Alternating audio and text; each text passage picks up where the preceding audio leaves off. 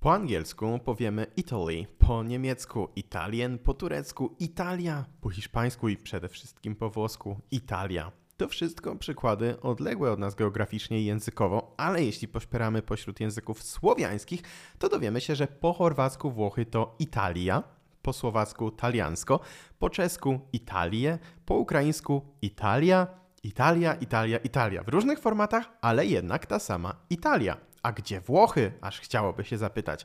Polskie określenie Włochy wzbudza zainteresowanie nie tylko obcokrajowców dowiadujących się, jak nazywamy nad Wisłą Italię, ale i samych Polaków. Być może Ciebie również. A zatem dlaczego Włochy to Włochy? Skąd wzięła się polska nazwa tego kraju? Zapraszam.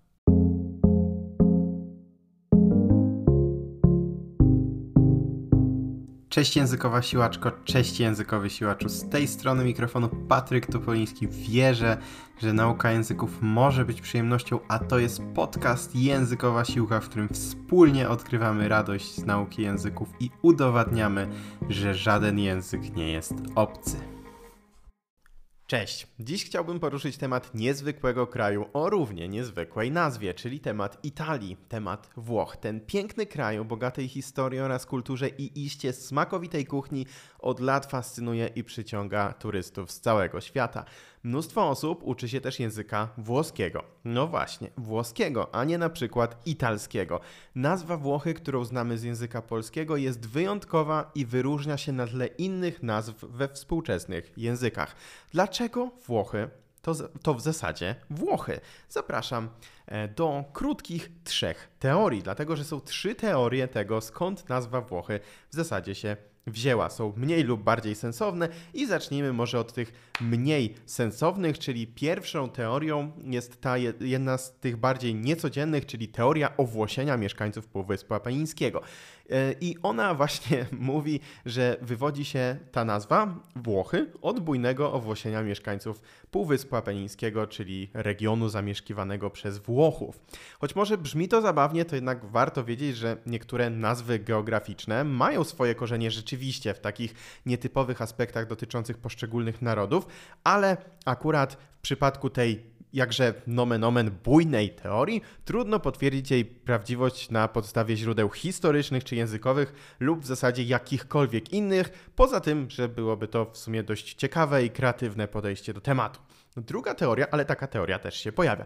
Druga teoria jest związana z królową Boną Sforcą i jej służbą. Inna ciekawostka właśnie dotycząca nazwy Włochy to e, ta ciekawostka związana z królową. Według tej, e, według niej, to znaczy teorii, nie królowej, nazwa Włochy miała się wywodzić z określenia osi, czyli osi, osi, które przygnęło do włoskiej służby królewskiej, zwykle powtarzającej właśnie osi, osi. Choć jest to ciekawe tło historyczne, to jednak nie ma ponownie żadnych sensownych dowodów na to, że ta teoria mogłaby być prawdziwa. Teoria trzecia dotyczy celtyckiego plemienia i wreszcie jest to teoria oparta na solidnych fundamentach historycznych.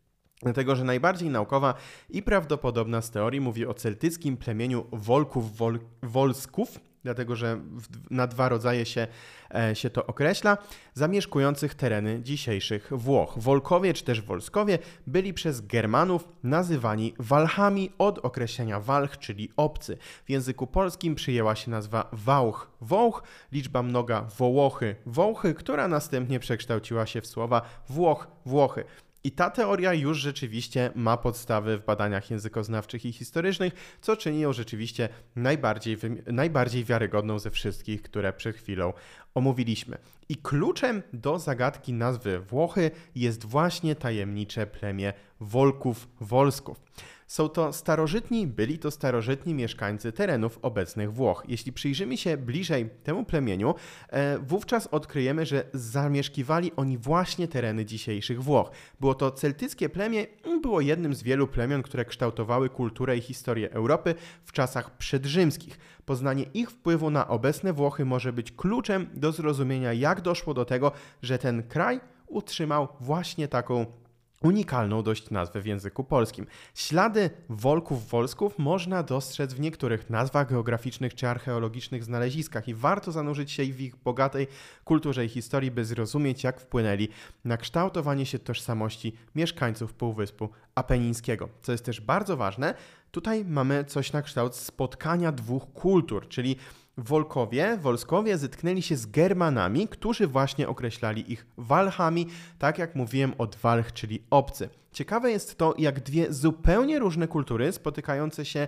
tak spotykając się na drodze historii, jak mogły wpłynąć na to, jak nazywamy pewne miejsca, narody czy społeczności, tak jak w tym wypadku Włochy, ale to też jest taka właśnie mm, ciekawostka na zasadzie tego, że Interesujące dla nas może być to, jak dwie zupełnie różne kultury się spotykają na drodze historii, i to wpływa na to, jak później my, setki tysiące lat później, nazywamy pewne miejsca, właśnie czy narody.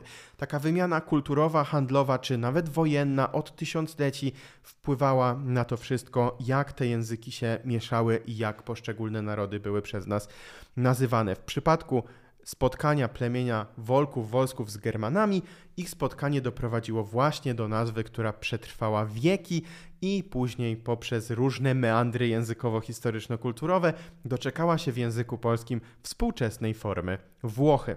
Od Wałchów do Włoch, czyli ewolucja nazwy Włochy i jej zastosowania.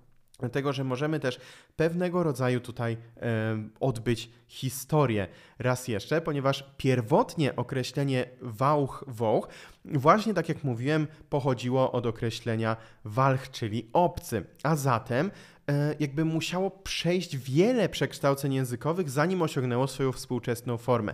W trakcie tego całego procesu ewolucji każdy kolejny etap miał wpływ na to, jak postrzegaliśmy i nazywaliśmy naród włoski, dlatego że e, było tak, że mm, na początku ta nazwa odnosiła się do różnych ludów romańskich. Czyli określenie Wałch, Wołch nie zawsze było ściśle związane z mieszkańcami dzisiejszych Włoch. Początkowo dotyczyło ono wszystkich ludów, które miały właśnie tę wspólną romańską kulturę.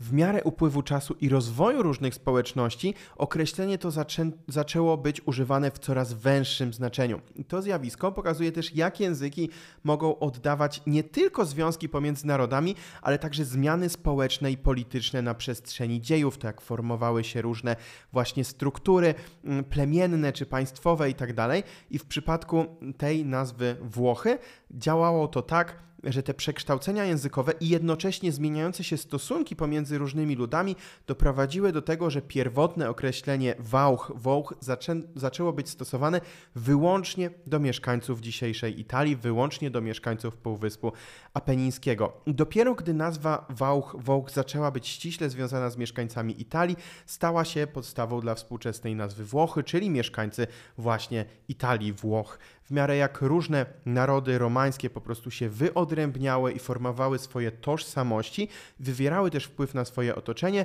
to ta nazwa przestała być wystarczająca jako określenie dla nich wszystkich i tak się zdarzyło, że trafiła, tylko zaczęła być stosowana tylko do jednego z tych e, właśnie mm, z tych plemion, czyli do, e, czy nie tyle plemion, co po prostu narodu, czyli mieszkańców Italii. Ten proces zawężenia słowa z Wałch, Wołch do Włoch pokazuje, jak właśnie języki są przy okazji plastyczne i elastyczne i potrafią się dostosowywać, oczywiście na przestrzeni setek e, lat, do zmieniających się realiów. I zaczęło się od szerokiego, w tym konkretnym przypadku zaczęło się od szerokiego pojęcia obejmującego różne ludy romańskie, a później poprzez przekształcenia, poprzez to, jak język zmieniał się razem z historią naszego kontynentu, słowo to zyskało konkretne i jednoznacznie znaczenie. Więc w pewnym sensie, śledząc języki, możemy pomyśleć sobie, że śledzimy historię różnych narodów, śledzimy historię krajów, kontynentów, e, czy też w ogóle historię ludzkości. I to też jest bardzo ciekawe, że widzimy w ten sposób, jak język może zmieniać się na przestrzeni lat, bo przecież tu chodzi o tak podstawowe kwestie, jak nazwy państw czy narodów, które przecież dziś w pewnym sensie bierzemy za pewnik i możemy trochę się nawet y, tak pozastanawiać, jak na przykład mogłyby wyglądać nazwy innych krajów i innych narodów, gdyby historia potoczyła się nieco inaczej. No dobra, ale nazwa Wałch Włoch to jeszcze trochę daleko do Włoch, więc jeszcze musimy troszeczkę prześledzić, jak zmieniały się nazwy mieszkańców Włoch, dlatego że historia nazewnictwa właśnie mieszkańców Italii też przeszła później jeszcze wiele zmian. Dawniej nazywano ich Włoszy, a nie Włosi i dopiero z czasem to określenie uległo przekształceniu w określenie Włosi. I ta zmiana oczywiście raz jeszcze była efektem wielu, wielu upływających lat, ale też wpływu innych języków, kontaktów handlowych czy zmian politycznych. Zaskakujące są też związki pomiędzy różnymi, nie aż tak mocno powiązanymi na pozór ludami, dlatego że na przykład e, związki Włochów w ten sposób widoczne są poprzez nazwę z ludami takimi jak Wołosi, czy, czyli mieszkańcy Wołoszczyzny. Wołosi to przodkowie dzisiejszych Rumunów, a Wołoszczyzna to obszar przez nich zamieszkany. Być może kojarzysz nazwę właśnie Wołoszczyzna z historii Polski. Nazwy te wywodzą się z tego samego źródła, co Włochy, czyli również od słowa wałch, wołch, czyli właśnie obcy. I e, to słowo początkowo, tak jak mówiłem, odnosiło się do wszystkich ludów romańskich i Wołosi też pochodzi od tego mm, określenia, ale dotyczy zupełnie innej grupy i y, Wołoszczyzna to też jest zupełnie inny region, który nie ma nic wspólnego z Włochami. Więc choć na pierwszy rzut oka, poza powszechną wiedzą oczywiście, że języki włoski, jak i rumuński należą do grona języków romańskich, to na pierwszy rzut oka te narody nie wydają się wielce powiązane, ale jeśli właśnie pogrzebiemy trochę w etymologii, to dotrzemy do takich wspólnych korzeni, które mają odzwierciedlenie również w języku. A zatem mieliśmy ten cały labirynt teorii od owłosienia mieszkańców Półwyspu Apenińskiego poprzez królową Bonę, aż po najbardziej prawdopodobną e, odpowiedź na tę zagadkę, najbardziej prawdopodobną ze wszystkich teorii, czyli celtyckie plemię Wolków, Wolsków jako e, pewnego rodzaju takie, takie źródło, do którego możemy się cofnąć w tej historii, które poprzez właśnie określenie na wszystkie ludy romańskie wskazuje nam później skąd rzeczywiście to określenie Włochy i Włosi się wzięło. Więc jeśli interesują Cię Włochy, jeśli interesuje Cię kultura Włoch, jeśli interesuje Cię język włoski, to myślę, że w sumie e, warto wiedzieć, e, dlaczego akurat w języku polskim mówimy właśnie akurat Włochy, a nie na przykład Italia, jak większość świata przecież ten piękny kraj na Półwyspie Apenińskim nazywa, kraj, do którego mam nadzieję w przeciągu kilku najbliższych miesięcy się e, przeprowadzę, co prawda nie na stałe, ale żeby tak sobie tam pomieszkać przez, przez miesiąc lub kilka, taki jest wstępny plan na jesień, więc mam nadzieję, że tak właśnie będzie. Mm, zbliżamy się już do końca dzisiejszego odcinka. To był taki krótszy, bardziej ciekawostkowy odcinek. Mam nadzieję, że, e, że było to dla Ciebie ciekawe, że właśnie e, nie tylko była tam taka dawka, że tak powiem, e, ciekawostkowa, a bo dzisiaj akurat jak mamy ten taki dynks, bym powiedział, w takim, w takim, w takim pomiarze jakby od merytoryczny podcast na temat metod nauki języków do na, tej, na tym drugim krańcu tej skali mm, ciekawostkowy podcast. Rzeczywiście byliśmy dzisiaj blisko tego krańca z ciekawostkowym podcastem, ale mam też nadzieję, że właśnie ponownie widzisz, jak te języki e, w pewnym sensie się przeplatają, jak meandrują poprzez historię i poprzez kulturę i jak mm, możemy choćby poprzez etymologię, poprzez e, to, skąd dane słowa pochodzą, jak możemy później e, korzystać z tego choćby w naszej nauce, żeby, tak jak już mówiłem w jednym z odcinków, choćby znajdując słowa, które mają etymologię, którą możemy poznać, na przykład znajdując słowa w języku polskim, które pochodzą z innych języków, że jesteśmy w stanie wtedy troszeczkę, e, że tak powiem, przy okazji przyswoić wiele słów w języku, którego się uczymy i po prostu troszeczkę zrobić taki mały trik, że przyswoić te słowa, które po polsku i w języku, którego się uczymy, brzmią tak samo. Okej, okay, to tyle. Jeśli chcesz być na bieżąco z podcastem Językowa Siłka, możesz go zasubskrybować na Spotify lub w dowolnej innej platformie, gdzie tego słuchasz. Wystarczy kliknąć obserwuj, a także możesz też kliknąć dzwoneczek, aby otrzymywać powiadomienia o nowych odcinkach, choć nie musisz mieć tych powiadomień, bo jest to e, regularne, że te odcinki pojawiają się co poniedziałek, środę i co piątek i od 6 rano czekają na Ciebie we wszystkich platformach. Jeśli chcesz wesprzeć nasz, nasz podcast i pomóc nam docierać do większej liczby odbiorców, to możesz też zostawić ocenę tego podcastu, czyli kliknąć prześlij ocenę i zostawić taką liczbę gwiazdek, jaką uważasz za stosowne.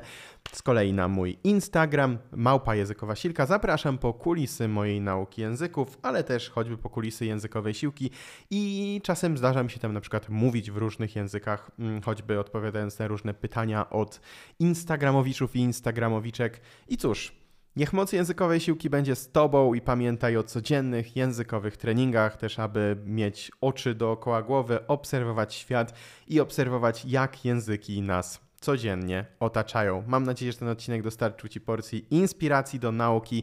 Pięknego dnia życzę, powodzenia w nauce i do usłyszenia w następnym odcinku podcastu Językowa Siłka. Cześć!